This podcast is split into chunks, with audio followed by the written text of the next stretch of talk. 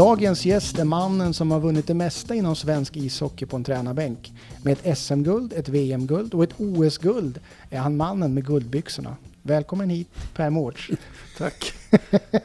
Hur ser ditt liv ut nu för tiden? Ja, det ser väl bra ut. Jag är anställd av staten. Alltså jag är pensionär och äh, har väl varit några år. Jag äh, slutade ju 2016 med förbundskaptensjobbet och hade väl som mål att bli tränare i Ryssland. Mm. Så jag hade ett lag som jag skulle skriva på, men då sa Putin nej. Eh, Personligen? Uh, ja, alltså han sa att inga nya headcoacher i KHL. Han, har, han är väldigt involverad. Uh, och då dog ju den frågan och då var jag på väg till Riga. Det var ju också KHL, men det drog ut på tiden och det vart för dåligt lag. Jag fick inte med mig någon svensk tränarkompis, så då tackade jag nej. Så att, och då bestämde jag mig att nu är det klart, för jag ville inte vara tränare i Sverige eller i Europa, för jag tyckte att jag har gjort den resan. Så att jag ville göra någonting annorlunda. Så att sen dess har jag väl inte gjort så mycket. Sen har jag haft ett, har jag ett eget företag som jag tillsammans med min psykologiska tränare som jag har haft i väldigt många år, både HV och juniorlandslaget i Kronor, Per Pettersson. Så vi är väl ute lite grann och försöker berätta för de som tycker är intressant att hur vi tror att vi ska leda andra människor. Men då måste vi ju backa tillbaka klockan och ta reda på var du kommer ifrån. För att det står ju att du är född här uppe i Dalarna, men mm. var, var kommer du ifrån från början? Ja, jag är född i Falun, så att, men jag har bara bott där en liten, liten, ett halvt år tror jag. Och sen drog hela familjen upp till Timrå som jag bodde i nio år. Och eh, började åka skridskor när jag var två och ett halvt, tre år där. Så det var väl liksom där intresset föddes, för det var ju kallt och vinter. Sen hamnade vi i Jönköping för min far flyttade och då blev det fotboll och hockey och då blev, väl, blev HV71, V i HV71 min moderförening. Vätterstads IF? Ja, Husqvarna Vätterstad. Där, eh, och där, jag spelar ju hockey hela tiden med alla möjliga, både knattelag, pojklag, A-lag, juniorlag så där, så att jag har gjort hela resan där. Och, eh, eh men sen eh, flyttade min familj hit då, när, jag var 17 år. Och, eh, det här är 1971?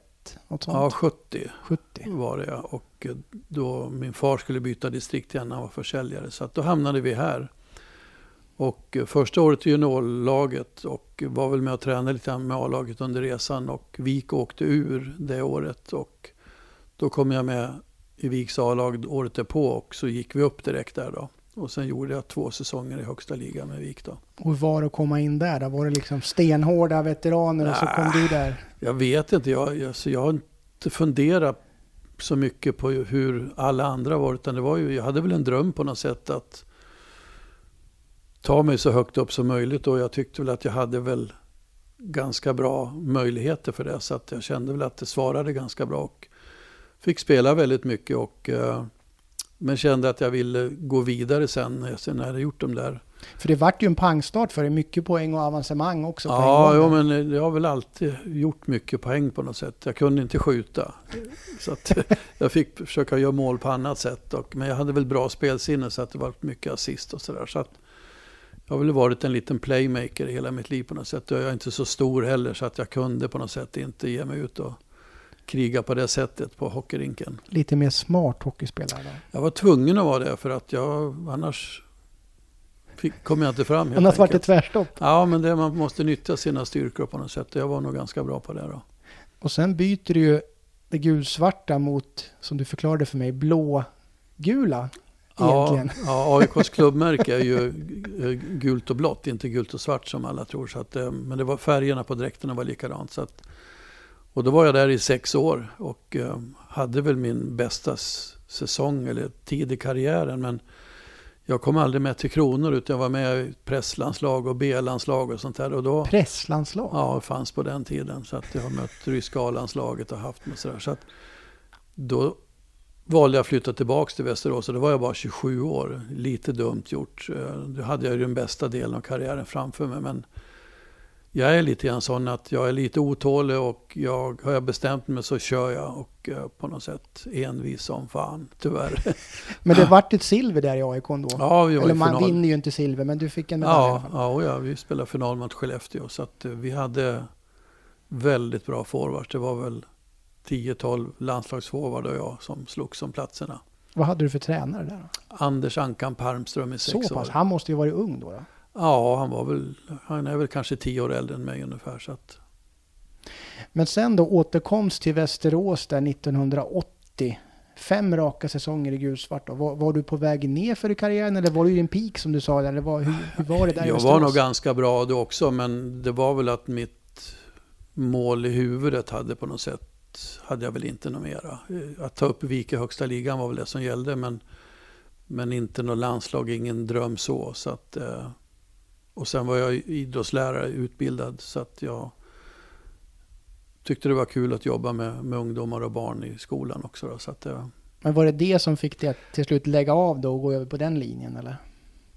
Ja, det var väl att på den tiden fanns det ju inga pengar i ishockeyn utan det var ju spottstyver mot för idag. Så att man känner väl att oavsett vad man gör så måste jobbet komma först. Att jobba som gympalärare och eh, till slut så kände jag att nej, jag, jag blir inget bättre än vad jag har varit nu. Så då, jag tror jag var 32 år när jag la av bara. Så att hade nog kunnat fortsätta några år till men drömmen dog väl på något sätt. Och hur kom du i kontakt med Vik att bli tränare då? Hur många år skiljer det från att du lägger av till att du blir tränare? Eh, Det var nog inte många år. Jag tror att när jag slutade 85 så ett år efter så tror jag att jag fick eh, ta över hockeygymnasiet efter Kjell Larsson. Mm. Eh, Jag kommer inte ihåg om jag hade det 10-12 år så var jag nog lärare på hockeygymnasiet. Här, så då stod man ju skridskor då. Så jag tror att mitt första hockeyjobb tillsammans med Hansa Persson var säsongen 86-87. Mm. Eh, Vi var ett mål från att gå upp i högsta ligan. Mm. Spelade 2-2 hemma mot Modo.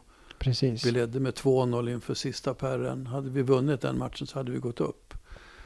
Men någonstans där så kände jag att usch vilket ansvar att vara ledare. Så att jag hoppade av. Jag, Ja precis, för du kommer in och blir så pass nära att gå upp och försvinner ja, du. nej, men jag är sån som människa. Jag är, jag vet inte, jag är inte riktig på många sätt sådär. Nej, men jag, eh, när jag gör någonting så ska det vara 100% och jag kände att jag, in, jag behövde luft. Jag tyckte att det var väldigt tufft och komma från spelarleden och man tar ansvar för sig själv och så ska man helt plötsligt ta ansvar för allt annat.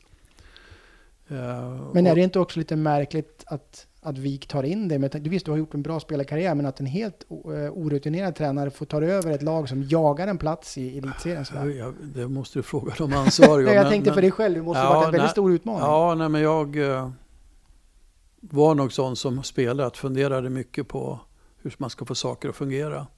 Och sen hockeygymnasiet så kände jag ju väldigt många yngre spelare som var på väg upp. Och hela den sammantaget gör att jag hade också en dröm om att vilja fortsätta med idrotten då, men inte spela. Så att det blev naturligt på något sätt att hoppa in i det där.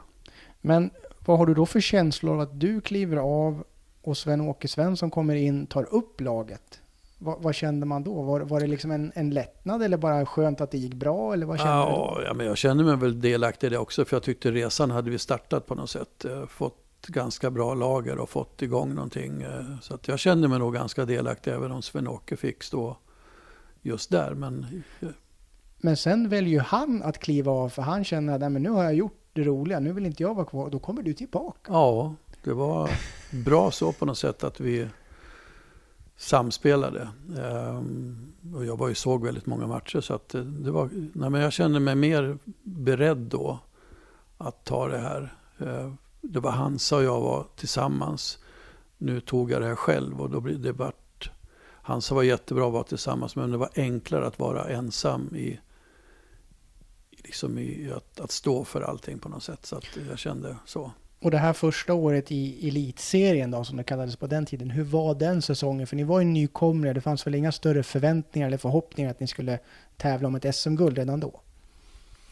Jag vet inte om man tänker så. Alltså, jag tänker att man ska vinna varje match. Det är väl därför man håller på. Det är ju inte att... Jag hör ju många gånger när man får liksom, vad, vad, vad tippar ni i serien? Ja, femma eller... Ja, men man måste väl tippa sig etta för man siktar på att vinna varje match tänker jag. Så att jag är lite svårt för det där, utan det gäller att sikta jäkligt högt. Jag tycker att vi på något sätt gjorde det. Men eh, det var tufft och vi åkte ur till jul då och det var på samma poäng som Skellefteå. Ja, för det var ju lite annorlunda system. Man Ja. hamnade i någon form av allsvenskan Ja. efter jul. Och så vann vi den och fick spela final mot Frölunda och vann med 3-2 i matcher. Men den serien måste vi pausa lite vid, för där var det väl lite hula baloo med, med, med mordhot och livvakter och vad, vad, vad, vad, vad började det med? Vad var det som gjorde att det vart så hetsk stämning från början där? Det började med att Göran Flyges Sjöberg och Peter Ekroth slogs, började slåss vid någon tekning nere i Frölunda i Skandinavium. Och det vart anmälningar och grejer. Jag blev anmäld för att jag tydligen hade, någon sa att jag hade stått och applåderat i båset. För att, ni, att han slog? Ja, och det kan jag säga, det har jag absolut aldrig någonsin gjort. Men det började på något sätt där och då blev det mordhot på den ena och på den andra. Och, och vi hade, Så det var personer som kom fram eller ringde eller hur, hur ja, det, vet, här? var till polisen och hur, de kom fram det kommer jag inte ihåg. Men vi hade poliser med oss, stod till och med i båset på matcherna civilklädda för att eh, ehm, så det var väl en väldigt tuff tid. Kanske man pratar om vad man är mest stolt för. Jag tror att just kanske det året är det som jag kommer ihåg mest att vi lyckades med allt det här som var. Att åka ur och jag var färsk och mordhot och Frölunda hade Conny Evensson som var en guru och jag var ung. Och, Och Frölunda kom underifrån då, de åkte inte ur samtidigt. Det var Nej. två lag som åkte ur. ja, nej, de åkte inte ur tror jag. Nej. Utan det var, De kom underifrån. Mm. Mm. Så att, eh, att kunna vinna den där matchen sista hemma här med 4-2. Jag, kom, jag kommer aldrig ihåg siffror men den kommer jag ihåg. Mm. Eh, så att eh, den är det som jag känner, den resan var fantastisk. Och vilka spelare var det som du stötte, alltså vilka var dina stöttespelare i det här årgången av Vik? Oj, det var väl många bra. Flygis var väl en som stod fram. Men du hade ju en kedja med Anders Berglund, eh, Jörgen Holmberg och Klasse Lindblom som var liksom... Tore Lindgren var med. Det var många. Niklas Lidström fanns ju kille som var med. Stefan Hellqvist, Patrik Julin. Ehm, så det fanns ju många yngre killar som också kom in i den här blandningen så att säga. Och hur pass inblandad var du i rekryteringsarbete? För det fanns ju inte det här utpräglade sportchefen, utan det var väl oftast någon ordförande eller starke man som fanns i Ja, föreningen? då, då gjorde man mycket på den tiden. Både beställde bussar och mat och, och fixade träningstider och höll i allt på något sätt. Så att det, det var ju annorlunda än vad det är idag. Men, men eh, jag var väl med ganska mycket. Och sen var det ju att jag hade haft de här killarna på hockeygymnasiet så att jag, jag visste vad de gick för och de hade trygghet i mig. Så att på det vart en ganska så bra mix på något sätt. För det här, är- ni kommer ju också in i säsongerna efteråt där när, när ni går till kvartsfinal. Ni passerar kvartsfinal och åker ut till semifinal och det är ju det längsta som Vik har åstadkommit i ett slutspel i modern tid. Då. Ja, nej men om vi går tillbaka till den där säsongen när vi, när vi gick upp igen så det jag är väldigt stolt över det var att då vann J20 också SM-guld. Mm. Och jag vet att jag lät dem, de här duktiga spelarna vara med och spela där också fast vi hade de här matcherna. Så att i Göteborg ibland hade vi två bussar där de här juniorerna skulle åka och spela match i SM. Och vi åkte hem, vi andra då. Så att eh, jag, jag lät det där fortgå för jag tyckte att det var viktigt för deras utbildning att inte bara spela A-lagsmatcher utan också få betyda och kanske ha större, större roller. Så att det tror jag inte någon ledare hade vågat idag. Jag vet inte heller om jag hade vågat, men då gjorde jag det. Jo, för här fanns det också en, en ganska bra skjuts i juniorverksamheten. Oh, ja. Det kom ju fram väldigt många, Ja. Sal och Julin och alla de Ja, här som du ja. säger, Lidström och så vidare. Ja, det var väldigt många. Så att det var... Vad var anledningen, tycker du, till att det fanns ett så bra tryck i juniorverksamheten på den tiden? Svårt att säga egentligen. Det var ju ett riksintag. Det fanns på tre ställen i Sverige. Nu finns det ju inget riksintag längre. Det heter ju RIGG. Eh, och det var väl på något sätt att... Jag vet inte om jag hade tur eller om jag hade näsa för det där. Men på något sätt så lyckades jag få de som sökte hit att hitta rätt. Att de som hade mest potential då. Som det kanske ska vara. Och eh, samtidigt en bra juniorverksamhet med Göran Lundberg. Och så blev det en bra mix på något sätt in i det här. Eh, Så att ja, nej men året därpå var det ut i kvartsfinal mot Mm. Djurgården. Och så tredje året så var det ut i. Djurgården mot semifinal. Så att Precis, och det är Nemesis Djurgården som även spökade några år senare också, 92-93. Då var inte du kvar, men Nej. även då när laget Mm. vinner serien och blir utslagen. Vad var det Mm. just med Djurgården? Var de, var de bäst av de här lagarna? Det var ju ett bra lag, annars hade det liksom inte tagit stopp. Så det, det är väl så enkelt helt enkelt. Men var ni lite grann av en överraskning med tanke på att ni gick så pass långt? Eller var ni, var ni på väg upp att pika där den säsongen som du säger när ni gick till semifinal? Ja, jag tycker nog att vi hade ju haft det här laget och byggt med några till och eh, några hade kommit till. Så att det vart väl bättre och bättre på något sätt. Och sen får man spela de här matcherna så blir det en vardag på något sätt att vara och tävla om de här sakerna. Så att jag tror nog att vi kände att vi skulle vara där uppe. Men sen väljer du att åka iväg till, till Norge med Kurre. För du, du lämnar ju Västerås där efter den här säsongen med, med, med semifinaluttåget då. Och sen, vad hände där? Ja, Går du direkt över till landslaget? Nej, eller? Ett, ett år emellan så hoppade jag in som assisterande för juniorlandslaget med Mm. Tommy Tomt. eh, Mikael Renberg, Peter Forsberg, Marcus Näslund. eh, Massa kända namn. Så att vi eh, fick silver det året då, nere i Tyskland. Så att det gjorde jag. Mm.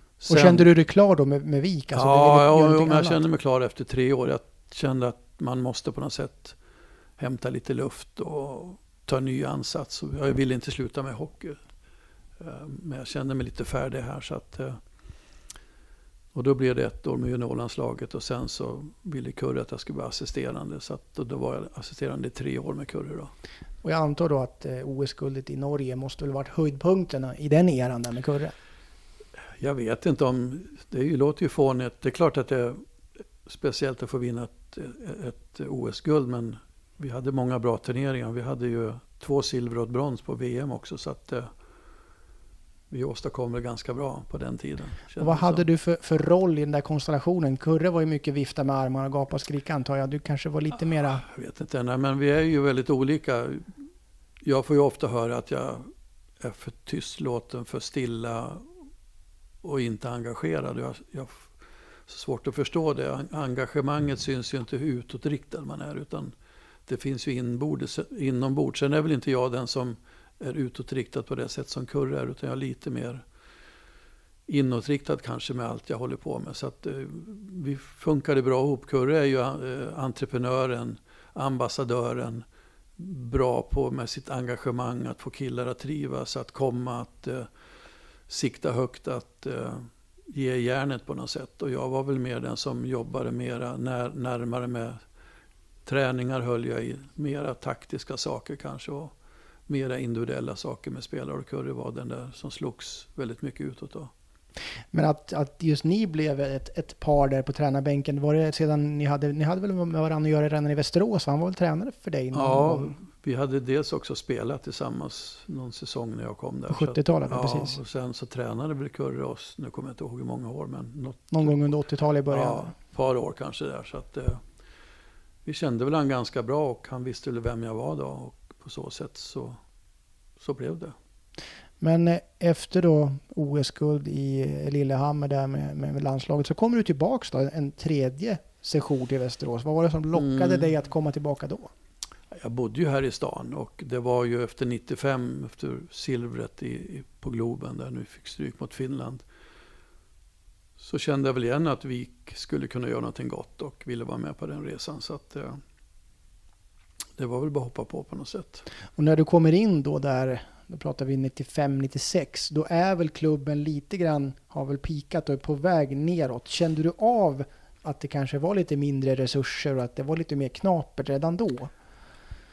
Det kände jag väl under resans gång på något sätt. Jag tycker väl första året så var det väl ändå skapligt för vi fick in väldigt många unga nya spelare, om man nu ska kalla dem nya. Så att jag kände att det fanns en grogrund att fortsätta på.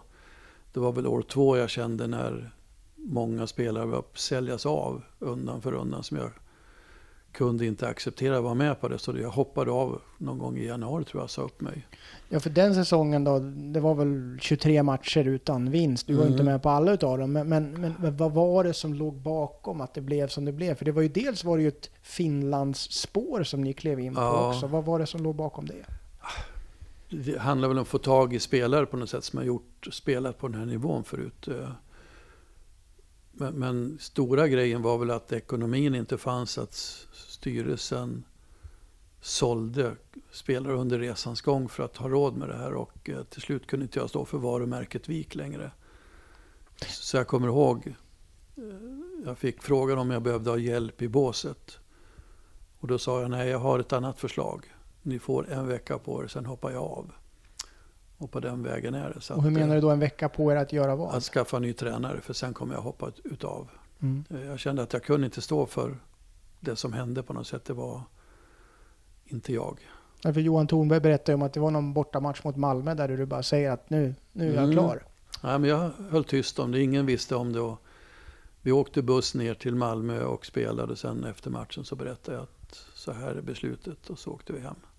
Och det är ju ganska unikt också att, att man kliver av som, som ledare på den här nivån. Det är oftast att man får sparken eller att, den, att det inte finns något tålamod. Men här måste man väl prata om ett tålamod med tanke på hur många förluster det var i rad. Ja, men jag tror ju inte att jag var orsaken om jag ska vara riktigt ärlig. Utan det var ju att tappa, säl, säljer man ut de bästa spelarna till slut så funkar, blir inte kvaliteten så bra helt enkelt. Hantverkeriet räcker inte till att vara i, i högsta ligan. Så att det var men jag kände att jag kan inte stå för det här längre.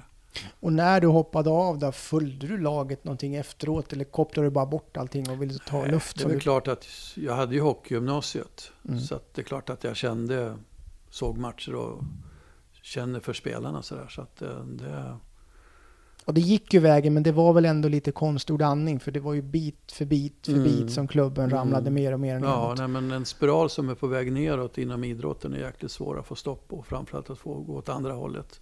Mm. Att, ja. Men sen då så, så blir det ju, du får först AIK för din mm. del, några säsonger där. Men tre, sen, tre år. Precis, och sen då få gå till HV71 och vinna det här SM-guldet som tränare. Hur pass skönt, viktigt stort var det för dig att få ta det där SM-guldet? Ja, jag vet ju inte. Utan det som det hände efter AIK var jag så fruktansvärt less på idrotten. För då var det AIK började på att blanda in eh, Jokerit. Ja, precis. Till och med bli lite delägare i AIK för att man kunde köpa procent. Och jag kände där att jag vill inte vara med på det här. Så jag började jobba på ICA som konsult under två år lärde mig massor. Alltså enormt mycket som jag trodde att jag kunde. Träffade en psykolog som hette Per Pettersson. Och sen fick jag förfrågan från HV och eh, då frågade jag också Per om han ville vara med på det. Så att eh, vi hoppade på den resan. För jag har väl alltid varit sökare efter att jag tror man måste erkänna att man inte kan allting. Och vi idrottsledare är uppfostrade av idrottsledare, uppfostrade från en idrottsledare. Så det finns liksom för lite befruktning in för att man ska kunna vara en komplett ledare. Och jag har alltid funderat på vad som driver en människa och motivationen och Per kom med psykologens blick in i det här. Så att jag ju... Och sen var ju HV min moderklubb så jag för, vi hade försökt förut få kontakt men då hade jag kontrakt eller de hade tränare. Så att jag tyckte det passade bra. Jag var sugen på hockey igen och eh, det blev fyra år där nere då. Och så fick du väl in Flygus där under någon period ja, också? Ja, Flygus blev, vi hade Fredrik Stillman först två första åren som assisterande. Och sen blev han sportchef Fredrik och då kom Flygus ner. Ja. Och er relation då? Hur, hur, var det något liknande med Kurre? Att ni hade de typen av rollerna eller? Ja, vi går ju väldigt bra ihop. Vi är väldigt, väldigt, väldigt olika. Och det är väl det det handlar om som ledare. Att välja en kollega som är annorlunda, tänker annorlunda och är olika. För att det ska bli så mycket utbyte som möjligt. Jag hade ju också flyget som, jag tränade honom här i Vik. Eh, jag hade honom också en säsong i AIK som assisterande. Och eh, ja, sen var han där nere också två år. Då, så att, ja. Men sen, sen kom ju då landslaget och det är ju det är nio år om du slänger ihop alla de här mm. juniorer och så vidare. Mm. Vad tar du med dig för, för, för starkaste minnen från den perioden i landslaget? Oj, för det är så mycket, jag tänker ja, du får välja ut väldigt, någonting som sticker väldigt ut. Mycket. Jag kommer ihåg juniorlandslaget var väl det härliga att på något sätt jag kom in och återigen att jag liksom svårt för att förstå varför skulle inte Sverige kunna vinna junior-VM? Varför ska vi, är det inte det vi siktar på? Så det var liksom där jag lyfte blicken direkt att uh, alla spelare och jag märkte väl under resans gång att det var svårt att höja blicken men till slut så började och vi gick ju till final första året då. Jag fick stryk i sadden av Kanada. År två var det också final, större stryk då i, i Ottawa. Och sen tredje året åkte vi ut i semi mot USA. Så att vi var ju där och nosade på det där. Så att, men sen blev det ju ett guld till slut ändå. Du hade ju ändå startat resan. Ja, jag tycker nog att att när jag hoppade av junior, eller slutade juniorlandslaget och började med Tre Kronor så tror jag att vi gjorde någonting som lite unikt. Att vi satte oss alla tränare då och funderade på vilka ska vi vara? Hur ska Sverige nyttja sin, sina styrkor? Och eh, vi hade några frågor som vi la fram att vi vill ha aktiva spelare. Alltså måste det vara ett aktivt spelsätt. För aktiva spelare slår ofta personbästa och det, det är det det handlar om. Hur pass, eh, hur pass utsatt tycker du att man är då? För du vart ju väldigt hårt pressad där som förbundskapten också. Det är alltid de här eh, kraven efter turneringar och så vidare. Så, hur, hur, hur hanterar... Det har jag inte märkt. Nej men hur hanterar du det tycker du? Det här med att det blir en väldig påfrestning på förbundskaptenen. Jag tycker nog att man är van som ledare överhuvudtaget. Oavsett nivå så har man ju, bär man ju någonting på sina axlar. Men det är också en utmaning tycker jag. Så att jag tror man ska välja att se det för vad det är på något sätt. Det är ju inte jag utan det är mitt jobb.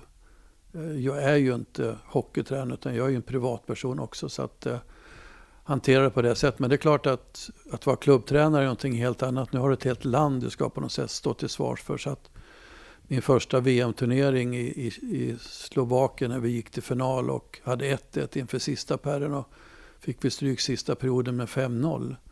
Och jag kan än idag inte förstå varför. Vi gjorde inget speciellt, sa inte någonting att vi skulle göra någonting annorlunda utan försökte spela på det sätt som hade tagit oss dit och så får man den där kallduschen. Så det är klart att den kommer jag väl aldrig att glömma på något sätt. Eh, men, men eh, samtidigt så var vi i final med ett lag som kanske ingen hade förväntat sig. Så att man kan se det på olika sätt. Men den Per Mårts som verkar idag är ju ganska långt bort från hockeyn. Vad, vad... Nu har du ju trasslat in dig i innebandyns värld istället. Ja, nej, men när jag slutade 2016 så kände jag att jag vill inte vara hockeytränare längre. Jag vill inte, alltså det är väldigt mycket bekymmer, tankar jämt och jag vill inte ha några mer bekymmer. Jag är färdig på något sätt känner jag. Så att jag har jag har gjort alla de här resorna med allting på alla nivåer. Jag har till och med varit pojklagstränare i två år så att jag har varit på alla nivåer och jag hittar väl till alla arenor. Så att jag känner mig klar. Alltså där, jag, är inte beredd att lägga ner det jobbet längre. Sen blir jag ju äldre. Jag känner att jag vet inte om jag skulle orka idag ha den där belastningen varje dag. Eh, så att på det sättet har jag väl när Andreas Harnesk började i Rönnby och hörde av sig så har jag tyckt att det varit jättekul att eh, jobba med Rönnby. Men jag är inte inblandad mot tjejerna. Men Andreas och jag pratar ju jättemycket träningskultur, eh, ledarskap, eh, massa frågor eftersom han är ganska själv. Men är det den här nyfikenheten som, som kommer tillbaka då? Att man vill lära sig något nytt och liksom något, att det blir någonting annat? Ja, men jag tror väl att en viktig ledarfråga, egenskap är att vara nyfiken på något sätt. För det är väl den som ska ta en vidare. att jag är ju en drömmer. Jag hatar gamla minnen. Så när du frågar så kommer jag knappt ihåg. För när vi kan sitta här så här och så säger ni, kommer du ihåg den matchen? Nej, så jag, var jag med? Ja, och så får jag höra. Men däremot så drivs jag av det som är framför. Att nästa grej att få eh, det är carpe diem för mig, det tycker jag blaha blaha. Men, och det är väl ingen bra egenskap, men att mitt sinne måste vara på väg framåt lite grann mot någonting, då får jag energi. Jag har för mig att du myntade uttrycket man eh, gifter sig inte med någon tre gånger. Ungefär som att det här med vik, att, att du inte skulle kunna komma tillbaka en gång till. För att fanns det något tillfälle som du fick någon förfrågan från Vik under de här sista åren av, av karriären? Ja, det var det nog. Men jag var väldigt tydlig med att nej, det kommer aldrig att hända. Så att, eh, och jag har haft från andra föreningar också. Så att, men jag har känt att Sverige var färdigt för mig efter förbundskaptensjobbet. Och du kände aldrig heller att men jag skulle kunna tänka mig att bli någon form av sportchef eller hockeygymnasie igen, utan det var verkligen, du, du kände att du har gjort allt? Ja, nej jag vill nog inte ha Zätas jobb i Vik. Aldrig i livet och inte hockeygymnasiet heller. Jag, jag, är färdig helt enkelt. Men om du, du ser ju ändå klubben, du, vill, du ser några matcher på tv antar jag, du ser någon match i hallen och så vidare. Men vad, hur ser du på klubbens situation som den är idag? För nu sitter man ju i en, i en treårsplan, man är inne på år två och vill ta det här steget till SHL. Vad, vad är din analys utifrån av hur, hur ska man lyckas med det? Ja, eh, det är ju frågan. Jag är väl inte så mycket av de här att man ska sikta en massa år framåt för att vad händer med laget och vad händer med ledarna också. Så att, men jag förstår att man bör ha någon form av uppsamling mot någonting och det tycker jag är jättebra. Jag ser väl Vik som absolut att man kan gå upp i högsta ligan. Eh, nu var väl HV extremt bra. Djurgården kan bli också lite övermäktiga men om, om Modo och Björklöven kan gå upp och sikta så tycker jag inte jag Vik sportsligt är något sämre utan håller en jättebra klass där. Så att möjligheten finns. Sen är frågan om arenan här och publiken i Västerås är beredda på att gå på hockey. Och I Jönköping så är det i alla fall bara 7000 på läktarna. Inte varje match men nästan. Eh, det kommer vara lika många på Hovet och det är ju tillsammans med samarbetspartners är publiken den viktigaste. Och här är det inte lika många så att jag tror att det kan bli tufft. Organisationen är på väg att växa men publiktillströmningen måste bli mer och arenan sväljer inga mer. Så att det är en liten... Eh, det kan vara det som är svagheten i det här. Om vi höjer blicken ett steg till, jag tycker att svensk hockey går just nu, för den debatten som har blossat upp ganska nyligen, det är ju det här med avtalen mellan ligorna där NHL roffar åt sig SHL-spelare, SHL roffar åt sig mm. svenska spelare. Det flödet och hur det fungerar där, har du, har du resonerat någonting kring det? Inte resonerat, men jag har ju funderat. Men det är ju, Vik är ju längre ner i näringskedjan så att då åker man dit på något sätt. Man, klarar, man står inte emot de andra. Eh, NHL diktar ju villkoren, tyvärr. Men finns det något sätt att man på något sätt ska bryta sig loss från det där? Eller skulle Nej. det bara skapa problem? Nej, jag tror att eh, NHL, det handlar om spelarnas drömmar att få komma dit. Och tar du bort den, stänger man saker så tror jag då blir det ingen utveckling alls. Eh, det är ju bara sorgligt att pengar måste dräneras mycket längre ner i verksamheterna. Det får inte stanna i SHL, det får inte stanna i allsvenskan, det måste ändå längre ner. Så att alla andra lag har råd att fortsätta med sin utveckling av, av idrotten. Och det tycker jag är största faran. Och det kanske man kan lära sig någonting av fotbollen där det inte finns någon superliga eller supermakt som bestämmer över alla ligor utan där får man på något sätt samsas om det hela ja, vägen. Skillnaden är ju att NHL är ju en egen organisation som styr allting medan Uefa och, och Fifa är ju en tillsammans. Så därför så är ju fotbollen kanske enklare på något sätt att handha än vad hockeyn är. För det är två organisationer som möts. Internationella hockeyförbundet och NHL. Och I NHL det är där pengarna finns och det är de som dikterar villkoren. Men då är ju en otroligt dum fråga, men eh, man kan ställa den ändå. Hur pass mycket hockeysug finns det i Per Mårts nu under sommaren? Längtar du någonting till att se hockey i vinter igen eller känner du att du, du vill inte ens titta på hockey längre? jag längtar nog mer efter innebandy om jag ska vara riktigt ärlig. För det är jag med, mycket mer inblandad i, både med nyförvärv och sponsorer och allting. Så att, eh, men det är klart att jag tycker, jag såg väl skapet mycket på VM här och eh, hör ju vad som händer i Vik och vad som händer nu här med Kalle Östman och allting. Så att, det är klart att jag också tycker det är härligt när, när det drar igång men jag vill nog inte att det ska gå för fort för jag vill ha sommaren också.